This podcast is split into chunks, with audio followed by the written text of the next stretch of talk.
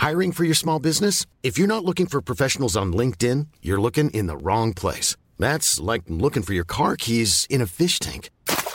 LinkedIn helps you hire professionals you can't find anywhere else, even those who aren't actively searching for a new job but might be open to the perfect role. In a given month, over 70% of LinkedIn users don't even visit other leading job sites. So start looking in the right place. With LinkedIn, you can hire professionals like a professional. Post your free job on linkedin.com slash spoken today. Mobilselskapet Ice er podkastens faste annonsør i nok en sesong, og det er jeg veldig glad for. Og nå har de kommet med en nyhet. Ice sitt Ice Max-abonnement har blitt enda bedre. Som første mobiloperatør i Norge tilbyr Ice Netflix inkludert i mobilabonnementet. Og det betyr at du får ubegrensa data med hastighet opp til 100 megabit i sekundet, og tusenvis av filmer og serier som du kan strømme på Netflix. Er det ikke bra? Og akkurat nå så ser jeg på serien Love is Blind Sverige, og jeg må si jeg blir eh, nesten litt nyforelska eh, selv. Og det er jo en perfekt serie å se sånn etter en varm eh, vår- eller sommerdag. Og best av alt, prisen er den samme. Ice Max med ubegrensa data og Netflix inkludert koster fortsatt bare 399 i måneden. Det er ingen bindingstid, fri tale, SMS, MMS, og du har muligheten til å dele opptil 10 gigabyte med data i måneden med andre som har Ice-abonnement. Les mer på ice.no. Jeg heter Solveig Kloppen, og dette er Min barneoppdragelse. En podkastserie hvor jeg møter folk for å høre hvordan de oppdrar og har oppdratt barna sine.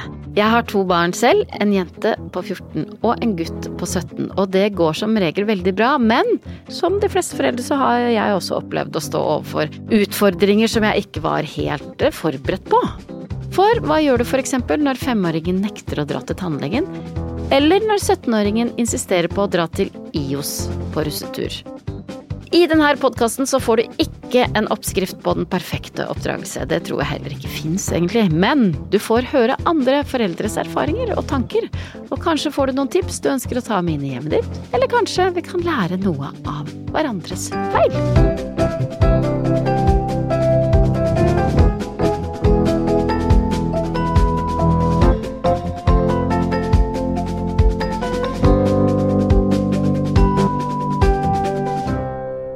Dagens gjest er tidligere politiker i Høyre. Han har vært både kunnskapsminister, næringsminister og arbeids- og sosialminister.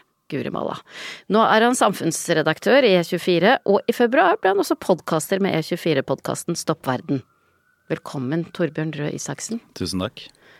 Nå, eh, nå hadde jeg lyst til å si at nå skal jeg komme med løsningen på den perfekte barneoppdragelse. Så deilig det hadde vært. Nå kommer det, så Tenk- bare følg med. Tenker du at du er i nærheten? Nei. Men det er, det er noe med dette fake it till you make it, er det ikke det? Jo da. Ja. Ja. Nå er jeg på mitt tredje barn, så nå føler jeg at nå, man får en sånn pondus Ja. eh, når, man har, eh, når man har tre ganske små barn, føler jeg. Selv om man ikke kan noen ting, så, så får man en viss pondus. Ja, og du og, og, Ja, ikke sant. Og man, en, man endrer jo kanskje litt øh, oppdragelsesstil underveis. Ja, ja, jeg tror det lite grann, ja. Men vi skal komme tilbake til dette her. Altså aller først, du er vokst opp i, i Porsgrunn. ja. Lillesøster. Eh, fire år yngre. Og foreldre Karl Magne og. Ragnhild. Mhm. Eh, begge lærere. Begge lærere. Den ene adjunkt, Ja. og den andre adjunkt med, Med opprykk. opprykk. Det er, og det er veldig viktig for alle som kjenner norsk skole. Så betyr det at mamma, Ja. som da har opprykk, dvs. Si hun har noe universitetsfag og sånn, lite overtak på min far. Og det kjente han hele veien. Sikkert. Men du valgte altså en annen retning, ble tidlig engasjert i politikken. Ja. Jobba med politikk på heltid siden 2004. Ja, sånn i praksis. Så da har jeg studert litt. Jeg har liksom tatt ferdig utdanning og sånn, da. For Ja. det var veldig viktig hjemme hos meg. Mm, Ja, selvfølgelig. Med læreforeldre også- Ja, ja da. Så de var, jeg husker da jeg kom hjem og så sa at jeg hadde tenkt å prøve å bli leder i Unge Høyre, da. Ja. Så var det første de sa, sånn jeg husker det i hvert fall, det var Men hva med utdanningen, Ja, Torbjørn? ja. Hva med utdannelsen? ja. Og så klarte du begge deler. Så gikk begge deler, da. Til slutt. Eh, men du, eh, og i 2006 så traff du Henriette Ja, på påskefjellet. ikke sant?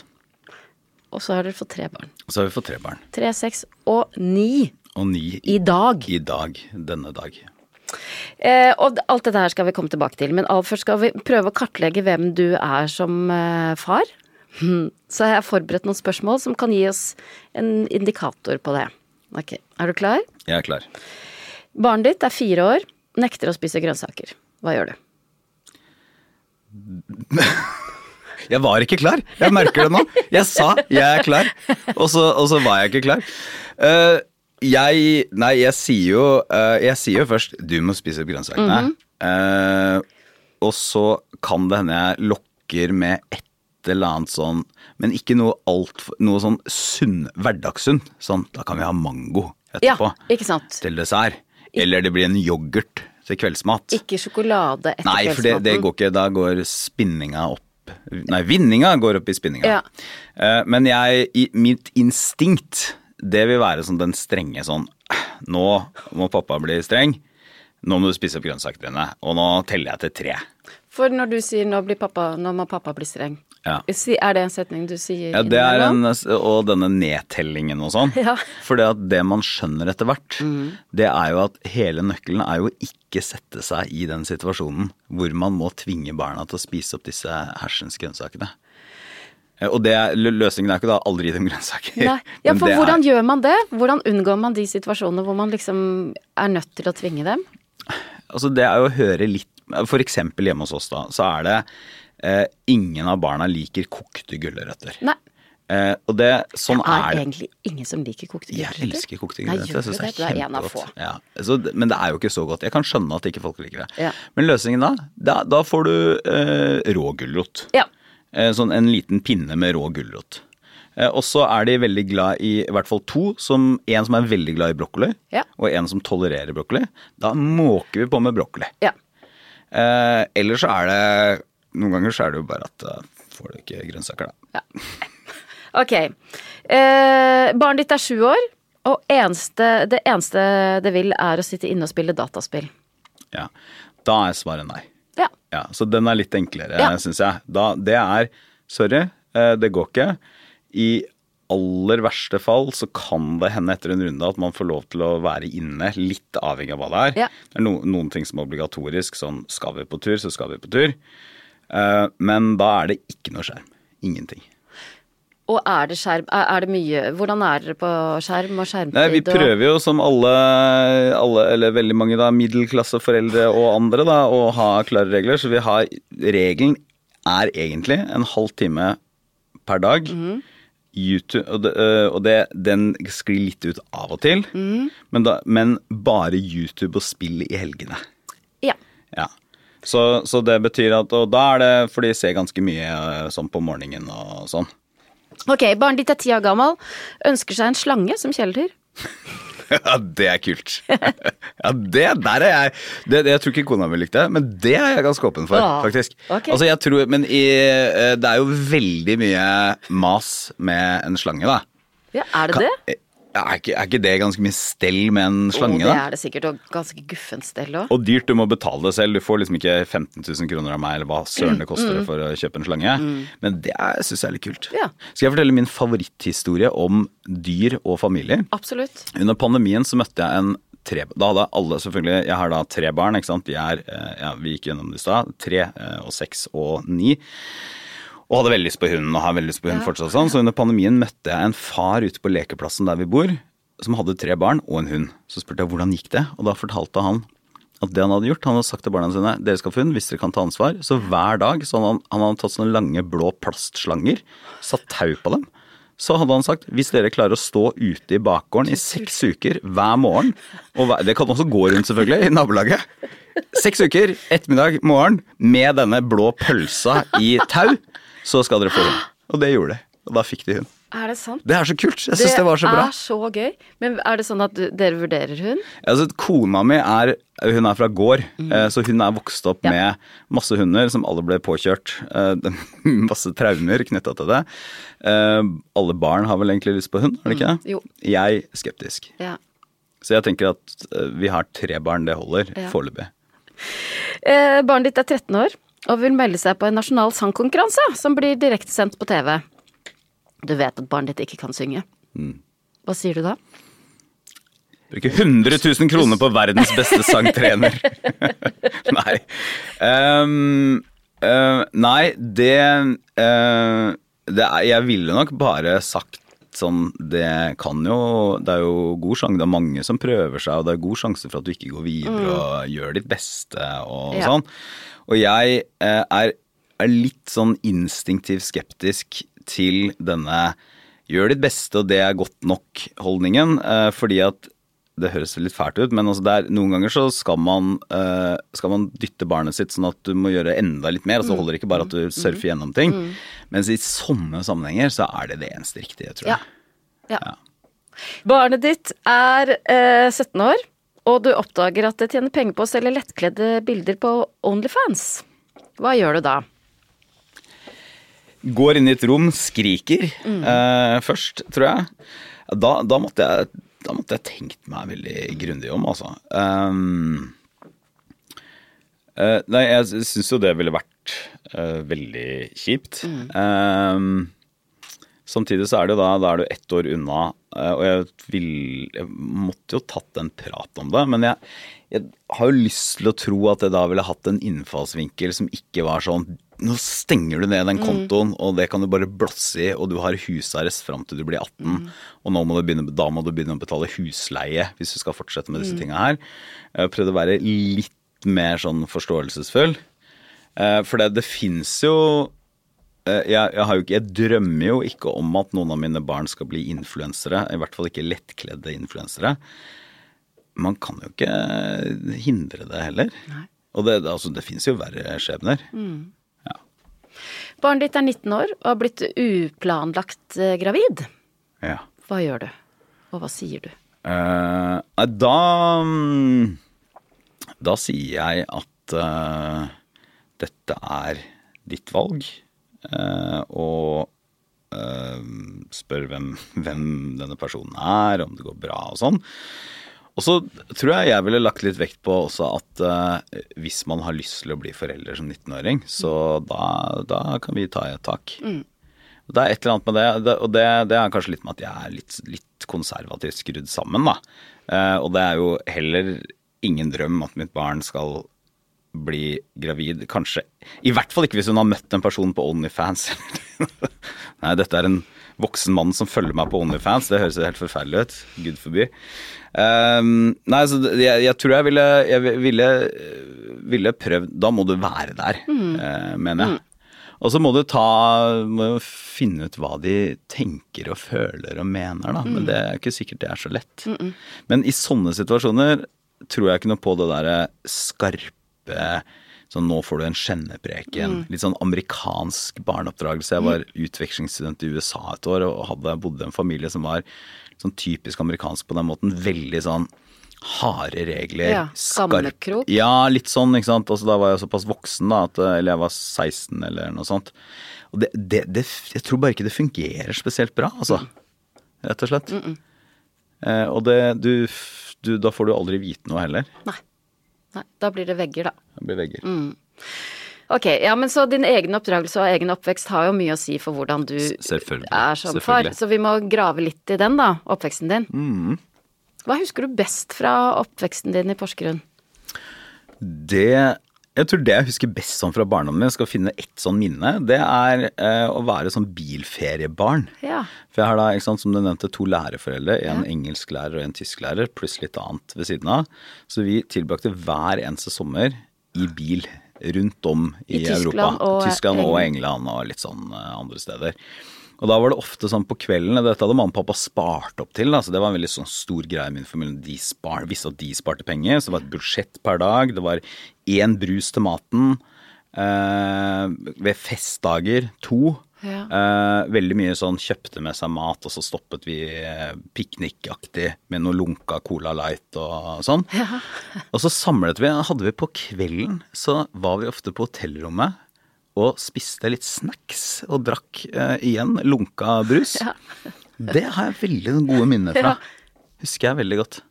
Var dere da en familie hvor Satt, satt, satt, alle fire sammen? Ja, da satt vi alle fire ja, sammen, da. Spilte spill? Eller? Ja, kanskje litt spill. Sånn i hvert fall mamma og jeg spilte litt kort, eksempel. Og jeg vet ikke helt hva vi snakket snakket om, eh, det vet jeg ikke. For vi, jeg kan ikke huske fra barndommen min, så kan jeg ikke huske at Altså jeg var, for å ta det åpenbare, jeg har ikke en sånn familie som uh, Jens Stoltenberg Altså han hadde Mhm. utenriksminister, plutselig sitter liksom Kofi Amman Mm, ved kjøkkenbordet. Men det var heller ikke fra en sånn familie hvor det var alltid diskusjon om politikk og samfunnsspørsmål og sånn. Det kan jeg aldri huske. Jeg husker at det var masse samtaler om ting, ofte sånn noen som henter leksikonene. Typisk Ja. en sånn familie, ikke Ja. Med lurer vi på, da slår vi det opp. Ja. Um, men jeg husker ikke om vi snakket om uh, tror, Eller vi snakket nok ikke om Vi gikk nok ikke veldig dypt inn i ting, tror jeg, heller da. En, uh, min barndom er ikke en sånn Hvordan føler du det egentlig Nei. oppvekst? Men hyggelig, da. Hva, ja, hva, for hva slags grunnstemning var det i hjemmet ditt? En, eh, en sånn trygg grunnstemning, ja. tror jeg.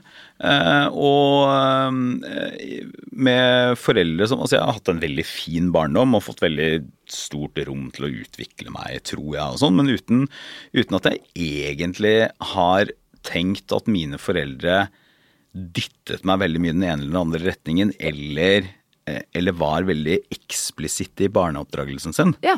de, de tingene som var veldig eksplisitte hjemme hos meg, det var, det var sånn høf, normal høflighet og folkeskikk og sånn. For eksempel nå som vi sitter her, så sitter jeg litt sånn tilbakelent på stolen med en albue Ja. på bordet. Det Hva ville mor sagt? Nei, det ville aldri gått. Nei. Ikke sant? Sånt Retta går ikke. Retta opp. Eh, Nå er det søndag, da går vi fra kjøkkenet og inn i stua, for der var det et spisebord. Så da spiser vi spisebordet. Ikke, eh, ikke jobbe, ikke vaske bilen eller klippe gresset på søndager. Litt sånne ting. da, Litt sånn småborgerlig. Ja, og føler du at det var gjengs for egentlig eh, alle i din omgangskrets? At Nei, hadde, nei, ikke i det hele tatt. Nei, Nei. for det, vi er jo Jeg bo, vokste opp i et borettslag, altså rekkehusleiligheter. Eh, og i det borettslaget så er det jo alle mulige slags folk. Ja. Ikke sant? Og det, det er jo litt sånn Nor- noe veldig fint med Norge. Da. Så i, for disse rekkehusene er, de er ikke noe, de er ikke noe dyre i Porsgrunn. Eh, så der vokste det opp folk som hadde det, skjønner jeg jo nå, ganske dårlig. Ja. Og det var folk som hadde det veldig ålreit, sånn som mamma og pappa. Selv om de var ikke rike. Altså, du, du er ikke, du var ikke, Ikke rå eh, når du er eh, selv adjunkt med opprykk. Nei, eh, selv adjunkt med opprykk. Men, men grei, vanlig sånn norsk økonomi, da. ja. Eh, og hvordan var forholdet til lillesøsteren din? Fire var- år yngre. Ja, he, he, fint da vi var barn, eh, sånn helt greit da vi var unge, og veldig fint nå, for nå har vi barn i samme alder. Ja. Og det gjør noe med deg. Ja. Og så vokste du opp i et kristent hjem. Mm. Hva innebar det? Nei, egentlig skuffende lite når jeg tenker tilbake på det. Bortsett fra det innebar at, vi, at jeg var med i barnekoret Jubalo og sånn, at vi var i kirken sånn med jevne mellomrom. Ja. Ehm, og hadde en del sånn venn, familievenner fra menigheten og sånn, altså helt vanlig sånn statskirke. Men mamma og pappa var, de var en type kristne som i dag, de får så lite oppmerksomhet, den type kristne, for i dag er det enten de veldig sånn karismatiske sånn Å, Jesus gir deg Lamborghini! Uh, eller så er det de veldig sånn radikale statskirke som trenger ikke å folde hendene, Gud er med deg uansett, slapp av kristendom og pride eh, hånd i hånd. Mens de er, mamma og pappa er bare, bare helt vanlig, eh, ikke veldig konservative, ikke veldig liberale, bare helt vanlige norske statskirkekristne. ja pre men prega det oppdragelsen Ja, og det, det, oppveksten jo, på noen men det, men det gjorde det nok, eh, men ikke Vi har aldri bedt Vi har aldri hatt bordbønn, eller aldri egentlig snakket så mye om eh, kristendom eller Gud eller Jesus eller noe sånt, men jeg vokste jo opp med å være kristen, og var det veldig lenge. Sånn, Ja. var sånn, som en personlig tro, og brukte mye tid på å tenke på det da jeg var tenåring. Men uten denne veldig negative erfaringen som mange beskriver. Sånn, jeg var så redd for synden Ja, og så redd ja, for han i ja, helvete, helvete og sånn. ja. Det var ikke noe sånn, eh, altså det var ikke noe Nei. helvete, var ikke noe tema i en vanlig statskirkekristen familie. Men det, det har jo åpenbart preget min, bar, min barndom, og har gjort at jeg er også opptatt av at barna mine skal få et forhold til kirken. Ja. Og det er litt rart, for jeg er, ikke, jeg er jo ikke i dag en troende sånn personlig, men jeg føler et veldig nær tilhørighet til kirken allikevel. Ja. Men hvordan gir du barna dine et forhold til kirken da? Det er at vi går i kirken sånn med litt ujevne mellomrom. Nei, litt, litt oftere enn det, da. Ja. Eh, Med ujevne mellomrom og litt søndagsskole inniblant og sånn. Og så snakker vi mye rundt det sånn når det er påske og jul og pinse og Ja. sånn. Hva er dette? Ja. Hvorfor, eh, hva, hva skjer i påsken? Og forteller du da dine barn hvorfor du ikke lenger tror? Nei, jeg, jeg har, vi har ikke kommet så langt ennå, men vi har, jeg har sagt at jeg vet ikke om, om Gud fins, om Jesus er sønnen til Gud og er her for å frelse mennesker og sånn. Og så sier jeg at eh, farmor og farfar, de tror det. Ja. Eh, bestemor og bestefar, som er litt mer usikker på dem. For, og at det, det vet vi ikke helt, at det er et spørsmål om å tro og sånn. da. Var det en sorg for dine foreldre da du Det, De har aldri kommentert det, egentlig. Nei. Ja, hvordan hadde dere det med fellesmiddager og tradisjoner? Ved en, en fellesmiddagfamilie. Ja. Um, og det er sånne små ting som man ikke tenker så mye over, men som selvfølgelig er viktig som Veldig viktig for meg også i dag. Vi, altså, vi spiser middag sammen hver dag. Ja. Og så etter hvert så vil det sikkert være vanskelig å samle alle når vi er fem og litt fritidsaktiviteter og sånn, men det gjør vi. Så det er en fin sånn samlingsstund. Det gjør vi alltid hjemme også. Eh, vi hadde vi hadde jo ikke en spisestue, men vi hadde spisebord. Så der var det en sånn forskjell mellom søndag og hverdag, som jeg sa. Det har ikke vi i, Oslo, der vi bor. Der er det kjøkkenbordet. Kjøkkenbordet. Ja. Um, ja, en sånn tradisjonsfamilie, men ikke så mye på sånn storvei, sånn utvortes eh, sånn Nå er det eh, 17. mai, og da er vi alltid på Ja. den fjelltoppen Ja. med klovnehatter med norsk flagg på, for det har vi alltid gjort. Ja. Ikke så mye sånt. Mer sånn eh, Nå ja, jeg vet ikke, nå er det søndag. Ja, ja, ja. Sånne små bukse. tradisjoner Ja. som man egentlig ikke tenker over er en tradisjon, men som når man ser inn i andre familier, så tenker man å ja, gjør dere Ja, ikke sånn? på en annen måte, Ja, ja. rett og slett. Ja. Den, for da, det vil si at dere har ikke noen sånne rare tradisjoner? Nei, egentlig ikke. Eh, Veldig det, Jeg vil jo si at eh, hvis jeg skal beskrive min oppvekst og mine foreldre, så er det jo rart vil komme på ca. 3744.-plass. ja, Sånn ut. Eh, så veldig va, Altså de, de har selvfølgelig sine eh, rare quirky, som amerikanerne sier, trekk, men det er sånn veldig vanlige, Ja. vil jeg si. På en, på en positiv På- ja. måte. Hvordan var du som barn og ungdom? Det var litt sånn eh, eh, Som barn var jeg veldig eh, urolig. Eh, litt sånn bråkete i klassen. eh, hadde problemer med å sitte stille. ja. Ville vil gjerne showe litt og vise meg fram og sånn. Eh, og så var jeg ganske var hele tiden var jeg veldig vitebegjærlig, da. Ja. Det er jo forsøksvis eh, holdt ved like. Eh, Så det var, det var visstnok Det er noe som mine foreldre og min gamle lærer da har sagt at mine foreldre var veldig flinke til å håndtere meg da jeg var, var litt sånn trøblete. Altså jeg var, var flink på skolen og sånn, men lagde mye bråk og uro, da. Ja, hvordan håndterte de det? Jeg tror, de var, jeg tror de var ganske bestemte, men milde på en eller annen måte. Eh, og som, eh, som ungdom så hadde jeg, da hadde jeg lagt det bak meg. Så jeg har aldri vært noe veldig sånn opprørsk. Eller én gang så hadde jeg fått et nye par jeans, olabukser. 501? Det husker jeg ikke hvilket merke, men jeg ønsket meg sånne ripped jeans, altså med hull i. Ja. Fikk ikke det, for det mamma og pappa syntes det var tøys å kjøpe klær med hull i. Så da tok jeg sandpapir og pusset hull i de nye buksene, eller, og da ble pappa Jeg tror, tror det, er, det er det mest skuffa han har vært over meg noen gang. Er det sant? Jeg syns det var helt ufattelig at det gikk an å ødelegge en ny bukse på den måten. Og hvordan Det var liksom min sånn komme hjem 19 år og er gravid etter å ha møtt noen på Onlyfans. Det var, det var, det var tilsvarende. Og hva gjorde det Eller for, for det første, hvordan ga han uttrykk for den skuffelsen? Nei, da, da, men han mistet liksom munn og mele. Altså, det var bare det, det var ikke mulig for han å prosessere.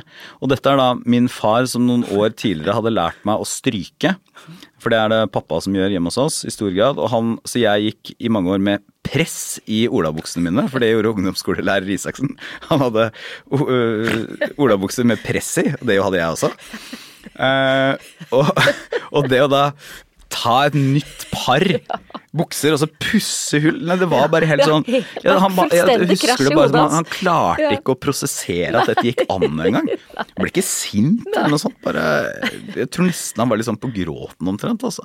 Hva kjente du da? Nei, da, da, jeg kjente vel en eller annen litt sånn Jeg merket jo at det var uh, siden, siden Jeg kommer ikke fra et sånn vel... Og det har du kanskje skjønt, ikke? Ikke et veldig sånn Ikke et hjem med mye følelser. Nei. Eh, ikke kaldt, men ikke sånn at å, nå er det litt sånn italiensk. Det er mye skravling, men det er ikke så mye sånn følelser. Så det at jeg så pappa ble genuint sånn, ikke bare sjokkert, men lei seg, det husker jeg gjorde inntrykk på meg. Da var jeg kanskje 17 eller noe sånt. Um, men det, de ble jo veldig, det ble akkurat de buksene jeg ville ha. Et Det er vanskelig å legge press når du har eh, sandpapirhull i buksa, men bortsett fra det.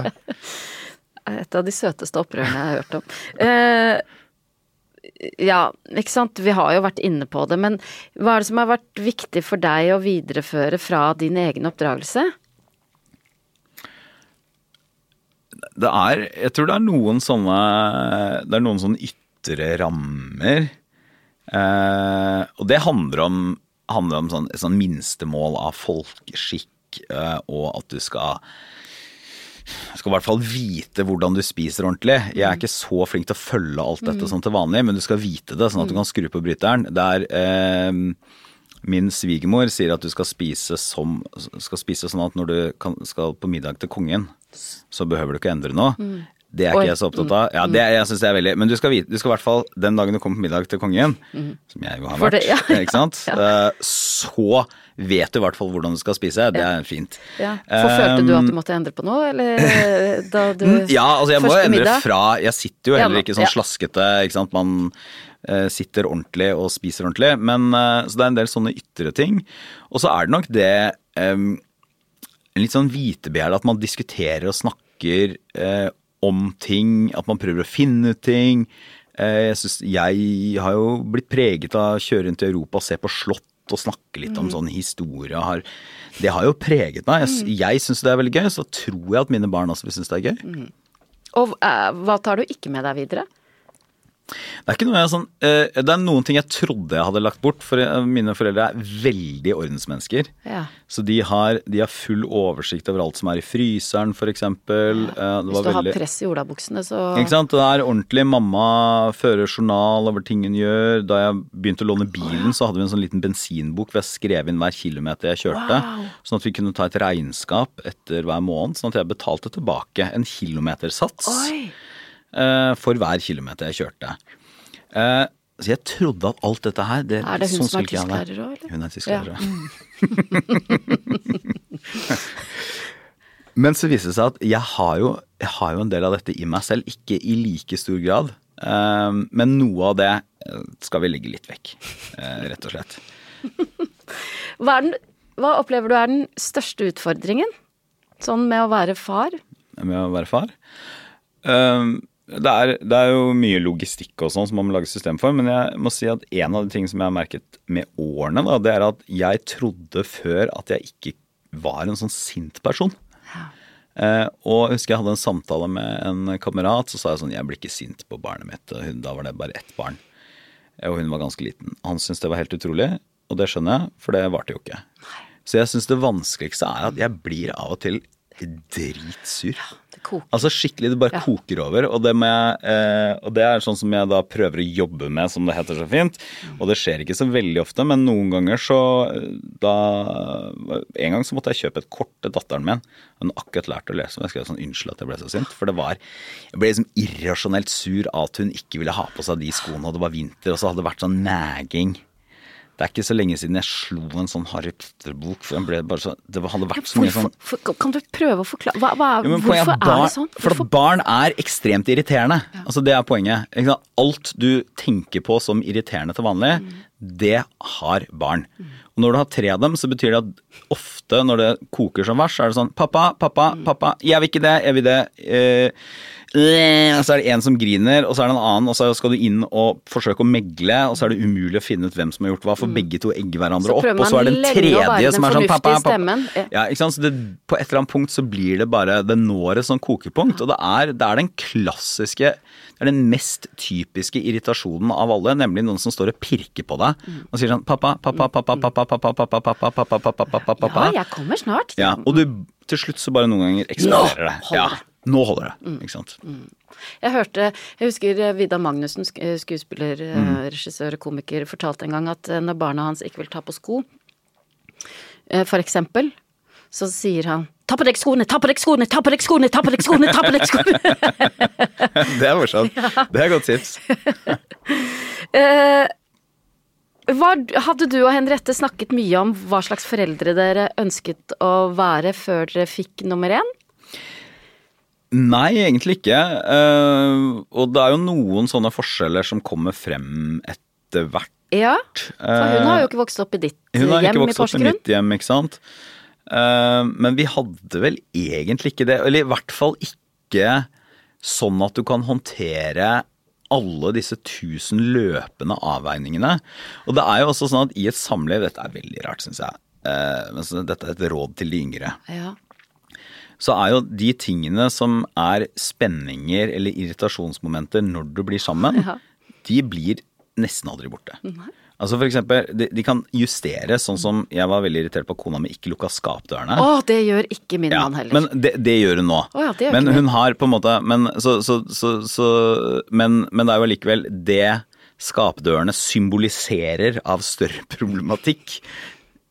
Så en av de store så, Og det betyr at det, sånne ting kommer hele dagen. For Mm. eksempel, hvor ofte skal barna få noe snacks Mm. eller noe godt? Og jeg Der har vi som vanlig, ikke sant, vi har litt strenge regler. Mm. Men jeg er mye strengere, så jeg ukker meg av og til. Så det er jo sånn Nå har de proppa seg med Mm. Og så er det noen på lekeplassen som har is, og så var det et eller annet annet som gjorde at de skulle få kjeks. Og så eh, startet kona med noe sånn kjempehyggelig, nemlig en liten overraskelse til barna når hun hentet dem i barnehagen.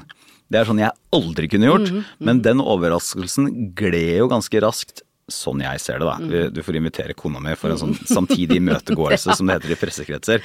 Men det gled jo, sånn jeg så, ganske raskt fra liksom banan og druer, helt greit, til litt kjeks eh, og sånn. Og, så, og sånne ting må man bare hele tiden rejustere. Ja, ja. Du, må, du må jo bare Ja, men, rekalibrere. Og hvordan, gjør, hv- hv- hvordan løser, dere, løser dere den situasjonen, eller den, Nei, da, den da er det jo Skulle jeg ønske at vi sånn, satte oss ned rolig og voksent, men da er det jo sånn at jeg er sånn er det kjeks, ja! Med sånne kjekspapir i Og så er det litt sånn ja, kanskje mm. Men uh, det blir jo at vi da blir enige om at ok, vi har tross alt noen eh, regler, da, så nå må vi prøve å komme tilbake dit. Hiring for your small business? If you're not looking for professionals on LinkedIn, you're looking in the wrong place. That's like looking for your car keys in a fish tank. LinkedIn helps you hire professionals you can't find anywhere else, even those who aren't actively searching for a new job but might be open to the perfect role. In a given month, over 70% of LinkedIn users don't even visit other leading job sites. So start looking in the right place. With LinkedIn, you can hire professionals like a professional. Post your free job on linkedin.com slash spoken today.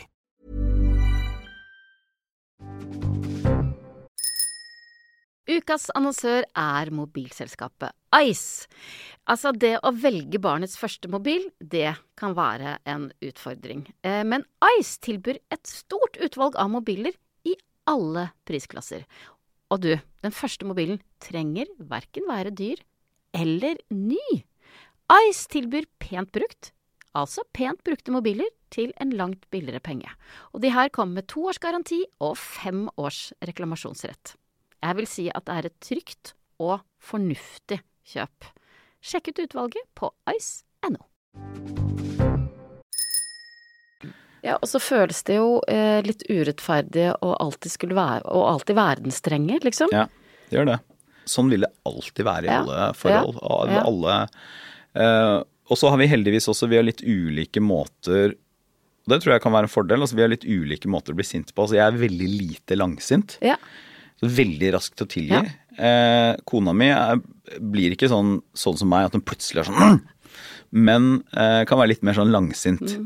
Kjenner igjen dette her. Og det, Men det er, det er greit, da, for da ser for det første ser barna at det er forskjellige måter å være Mm. sint på. Og så handler jo alt om hvordan du håndterer det etterpå. Da. Og jeg er stor fan av å si unnskyld Ja. til barna mine. Jeg er Reparere. veldig opptatt av unnskyld, egentlig. Ja. Men øh, det er interessant. Eller for, var dine foreldre gode til å si unnskyld? Ja, men de var ikke de, de, Jeg kan aldri huske at de har jeg kan aldri huske at de har vært sinte De var det kanskje da jeg var veldig liten. Jeg kan aldri huske at de har vært sånn sinte på meg på den måten. Selv om de ikke ble sinte, så kan, har, det vel vært i, i, har det vel vært episoder og situasjoner hvor de man allikevel kan tenke at de burde sagt unnskyld? Hvor de jeg, jeg, jeg kommer ikke på noe Nei. sånt, altså. Og, men det er kanskje også en ting som jeg Det er mulig at eh, Eller som jeg har justert. Og det er mulig at det er fordi at jeg også selvfølgelig er en annen person enn mine foreldre. Så jeg er litt mer åpen. Eh, ja. Kanskje litt mer opptatt av å uttrykke ting med ord og få ting ut. Så, så jeg sier for eksempel eh, 'jeg elsker deg og jeg er glad i deg' til mm. barna mine veldig mye. Eh, og, eh, og, det, jeg kommer, et, altså jeg kommer, ikke fra et, hjem hvor jeg et sekund har tvilt på at mine foreldre elsker meg. Men, de men det er ikke noe vi har sagt Nei. hjemme hos meg. Mm. Og det merker jeg jo i dag også. Har, mine venner er veldig forskjellige om man gjør det. Men jeg har, det har bestemt meg for at jeg syns det er fint. Jeg mm. tror ikke man bruker det opp. Jeg syns det er veldig fint at barna mine lærer seg det også. Mm. Eh, at de kan si sånn 'jeg er veldig glad i deg'. At mm. man kan si det. For det, det betyr noe i det mm. lille sekundet, altså. Jeg sier til barna mine hver kveld at jeg, jeg elsker ja. deg, og så er det litt sånn varierende hva de sier tilbake. Ja, det har jeg også merket. Ja. og, da står jeg der sånn Hva sa du? Si det! Say it, bitch! ja, men jeg husker det var en lang periode at Albert uh, bare sa jeg, jeg vet det. Mm. Og som jeg tenkte sånn Ja, men det er så fint, da. Fint. Ja. Mm. Og så trenger ikke du alltid kjenne at du elsker Nei. meg, men uh, du vet at jeg elsker deg. Ja, det er, og det er jo For det er jo ikke gitt at man har noe god tone med barna nei, sine. Nei. Det er viktig å huske. Altså, det er, eh, og det kan jo hende. Altså, jeg har såpass unge barn. Det kan godt hende at jeg vi sliter med å liksom snakke med barna eller ha det gøy med barna. eller noe sånt, og Da får man jo bygget forhold rundt ja, men det, det, men man må jo prøve å Ja, og det der jeg hører at du sier ikke sant, at du, at du, du høres ut som en lyttende far, da, selv om det, skal, det er rammer og grenser og sånn, men det der å kunne være hele tiden liksom eh, prøve å skjønne hva, ja, for hvorfor reagerer du sånn som du gjør? Hva, det som, hva skjedde her nå, liksom? Men jeg syns det er vanskelig, og jeg synes det, det, har blitt vanskeligere etter at vi fikk tre barn. fordi at jeg prøvde, Det var et tips fra en venninne av meg, en kamerat, kamerat slash venninne, som hadde sånn eh, noe de kalte for blåtimen med barna. Ja. Det var veldig fint. og. Det vil si at hun brukte mye tid da på sine to barn på, på sånn Nå er det eh, sengetid, det er mm. blått ute, og så er det den perioden hvor du kan fortelle hva som helst. Mm man blir aldri sint. Mm. Så har du gjort noe, har du et eller annet sånt. Problemet er at når du får, når du får tre barn, er, så er, det Det strekker ikke helt Nei. til. Eh, og det eh, Så det er blitt litt vanskeligere å finne tid, for jeg prøvde å gjøre det, og det er fortsatt etablert som et slags konsept. Men det, det skjer jo mye sjeldnere, fordi at det er, da er det en annen som ikke vil sove, og en som vil ligge i stua, en som ikke har blitt lest for, og et eller annet sånt. Og når man får tenåringsbarn, så er det jo fordi de ikke, plutselig ikke er det. Ja, de er, de er et helt annet sted. Ja, ja. Så man må bare liksom kjenne et sånn Det er jo viktig å være der når de Når det plutselig eh, åpner seg et rom, da. Sånn Å ja, nå, skal jeg, nå kjører jeg henne til trening. Da kan vi snakke sammen, liksom. Ja, så er det Og det, det, det tror jeg det, kjenner, det tror jeg er vanskelig å følge, men jeg har mener at jeg har plukket opp et eller annet sted. For det mange påpeker er at det er jo ingen som svarer ærlig på spørsmål sånn har du det bra, hvordan går det egentlig mm, nå. Mm. Så det er, og du må også, det jobber jeg litt med, da, prøve å um, komme inn på komme inn i settinger med barna mine hvor de også, hvor jeg er med på ting de liker. Ja. Altså Jeg er ikke noe opptatt av fotball. Mm. Eh, det, nå LF ikke høre på den podkasten her, så han har blitt kjempeopptatt av fotball. Mm. Da må jeg bli litt opptatt ja, av fotball. Ja. Jeg har aldri spilt fotball, aldri syntes det har vært spesielt gøy. Eh, men nå gjør jeg det. Ja, eh, og jeg får høre om masse fotballspillere som jeg ikke har hørt om, og så mm. googler jeg de, sånn at vi kan ha noe å snakke om. Men det, men det, er jo både for at han skal få lov til å reelt sett velge fotball, ja. hvis han vil, ja. men også fordi at vi må ha et eller annet sammen som gjør at jeg kan snakke om han litt sånn hverdagslig. For at det er der kanskje dette Hvis det er noe Du kan ikke liksom aldri ha noe, med, noe til felles med barna dine, og så plutselig komme på rommet sånn Hvordan går det egentlig med deg? Hvordan føler du noe? Ta kjenn litt på følelsene. Mm. Det går ikke. En, eh, noe annet som er veldig fint å gjøre sammen etter hvert, er jo det å lage mat. Ja, det er koselig. Mm. Det liker jeg. Stå på kjøkkenet. Ja. ja. ja og det er hyggelig. Eh, men igjen sånn eh, så må man jo Akkurat nå så tenker jeg i hvert fall ganske ofte at jeg må gjøre litt for å møte barna mine på noe. Mm. Og ikke sånn at de skal diktere alt eller noe sånt. Det er bare at Eh, selv om jeg vil helst at sønnen min skal si sånn Kan vi ikke dra på Nasjonalgalleriet for å se mye? ja. eh, Kan vi ikke dra på Akershus festning på Hjemmefrontmuseet en gang til? Så vil han ut og spille fotball Ja. eh, og snakke om Neym- Neymar. er det Ja, mm, bra, Torbjørn. Ja. Og han Haaland og sånn, selvfølgelig. Eh, og hvor, hvor opptatt Eller hvor mye eksponeres dine barn for uh, kunst og kultur, liksom? Er det um, Er de Jeg var veldig, ble litt misunnelig eh, på et punkt i livet. Da jeg flytta fra Porsgrunn til Oslo, og så møtte jeg folk som hadde vokst opp i type sånn øvre middelklasse kulturhjem. Dette er liksom de store hagene, og de, eh, de hadde vært i operaen, og de hadde gått De store på. Nettopp. Og de hadde gått på videregående skoler hvor, hvor alle eh, var opptatt av eh, politikk og samfunn og kultur og poesi og sånn.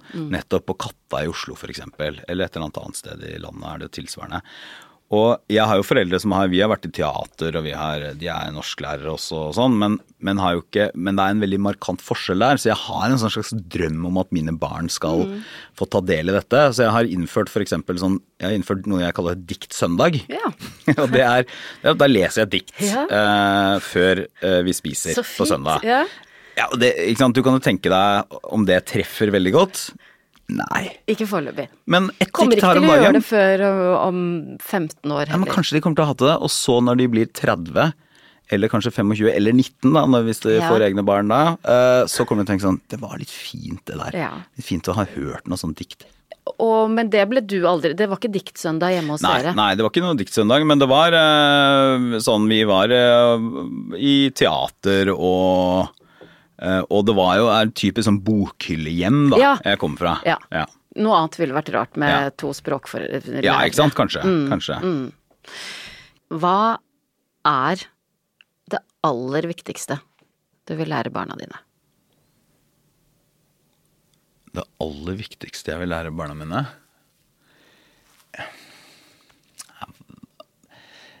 Det er jo altså kan, det, det henger kanskje litt sammen med sånn hva eh, Hva jeg er mest redd for at barna mine skal havne i. Og det jeg er mest redd for at barna mine skal havne i, det er en eller annen sånn situasjon hvor de gjør Altså for eksempel eh, em, Jeg er redd for at barna mine skal havne i en eller annen sånn seksuell eh, overgrepssituasjon, f.eks., men også vice versa. ikke sant? Altså jeg er redd for at eh, Og ikke helt konkret sånn, eh, men jeg må se, se for meg at det er utrolig vanskelig hvis plutselig 19 år gamle sønnen din eh, anklages for en voldtekt, f.eks. Um, så Men hva er det man skal lære barna sine da? Det er eh, Jeg vil jo gjerne at de skal være litt sånn Jeg vil jo gjerne at de skal bli gode mennesker, da. Eh, og som ser andre rundt seg og sånn. Og nå er ikke jeg Jeg var på denne uh, Big Five-testen som Harald Eia og Nils Brenna holder på med, og scorer veldig veldig lavt på empati. Så her er det lite, lite å hente hjemme. Men jeg vil jo gjerne at de skal være et eller annet sånn at de skal bli gode venner og ha øh, føle det på seg. Da. Og så er jeg veldig opptatt av dette er kjepphest nummer to. Jeg er veldig opptatt av at man har blitt mer opptatt av det. Man bestemmer seg litt for hva slags person man ønsker å være. Og det er lett å se et ekte Og, det, og det, jeg er ikke så flink til det sånn til hverdags. Sånn, da kan jeg surmule for det, da, smule på kjøkkenbordet og Ikke sant. Men jeg er opptatt av det sånn i det store. Sånn, jeg er en person som har giftet meg med kona mi, elsker henne og har lyst til å være sammen med henne til jeg dør. Det, er bare, det er en sånn type jeg er. Jeg er en person som er en god far for barna mine. Eh, Det er en sånn person jeg har lyst til å være. Eh, Og det har noen sånne implikasjoner for ganske mye i livet. da. Og det å få barna til å tenke på den måten, det er egentlig litt sånn dydsetisk, egentlig. Eh, Det er jeg litt opptatt av. Men jeg tror ikke man starter da med eh, å forelese om Aristoteles' syn Nei. på dydene. Nei. Men det handler om å ta de eh, gode valgene, da. Ja, ta de gode valgene, men, men forstå at det er ikke bare valg, det, det speiler også hvem, Ja. du, hvem du ønsker å være. Ja. At man, man har et ideal i sitt liv som man forsøker å leve opp Ja, til. Da. Klarer man det aldri, men man forsøker i hvert fall. Det behøver ikke være uoppnåelig. Det er ikke at du skal bli verdens beste på et eller annet, det er bare at du skal forsøke å være en god ektemann. Da. Det er ganske, burde være innenfor rekkevidde. Altså det, jeg har vært, det jeg er veldig fornøyd med, er at jeg har, tatt, jeg har snakket så mye som mulig om sex mens de er små. Smart. og det mener jeg det er også et kjempebra tips, for at da er det ikke flaut. De blir ikke flaue.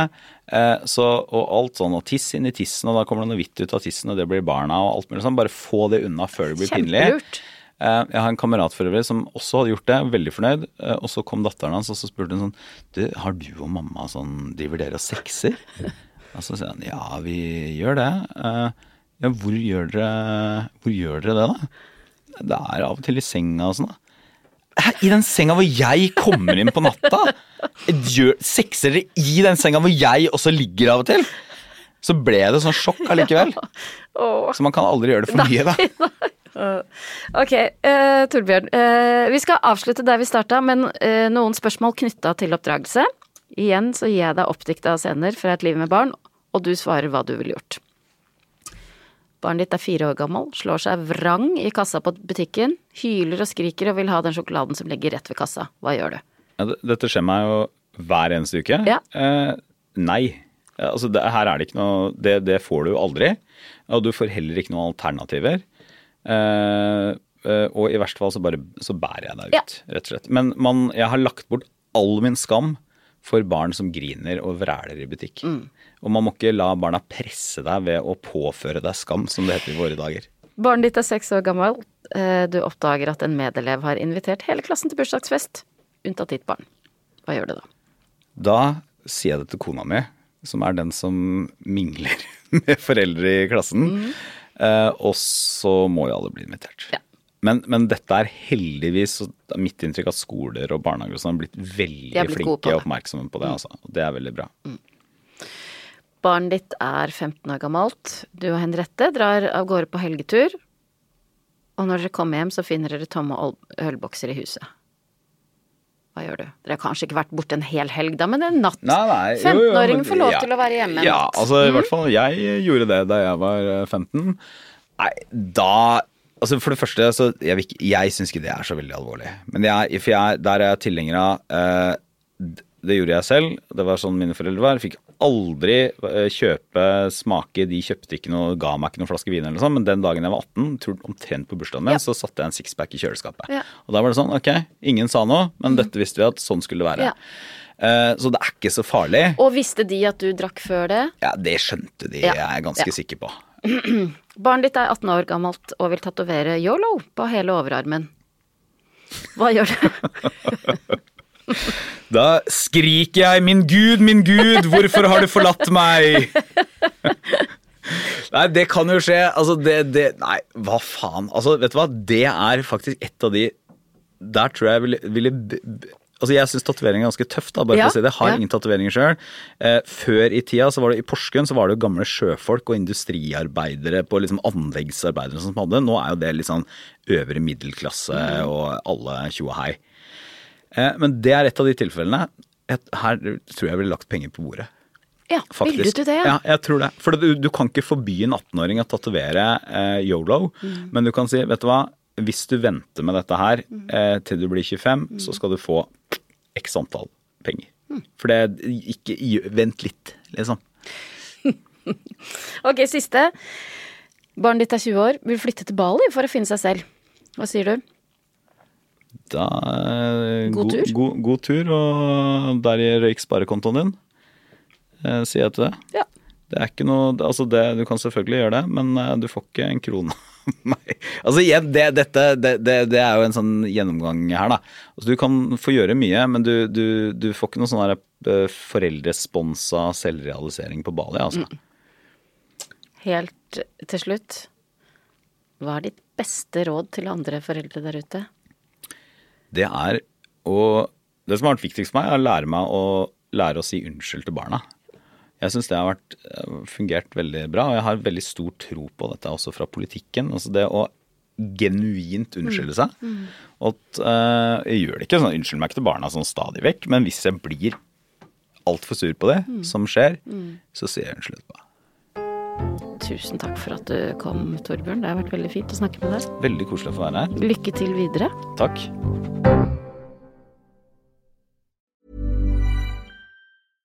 Imagine the softest sheets you've ever felt. Now imagine them getting even softer over time. That's what you'll feel with Bowl and Branch's organic cotton sheets. In a recent customer survey, 96% replied that Bowl and Branch sheets get softer with every wash. Start getting your best night's sleep in these sheets that get softer and softer for years to come. Try their sheets with a 30-night guarantee. Plus, get 15% off your first order at bowlandbranch.com. Code BUTTERY. Exclusions apply. See site for details. Hi, this is Paige from Giggly Squad, and I want to talk to you about Splash Refresher and my water intake. Okay, so you guys obviously know that I'm a hydrated girly, but sometimes when you drink that much water, it starts to just taste bland, and you're just like, I need something to spice it up. That's why I love Splash Refresher. It has zero sugar, zero calories, and it's a splash of sweetness. And they come in five different flavors. They're so good. Wild berry, acai grape, pineapple mango, lemon, and mandarin orange. My favorite is the wild berry because I just I just love a berry. So if you're like me and you're drinking water all day, then try Splash Refresher. It's going to absolutely change your water game and it's good for you.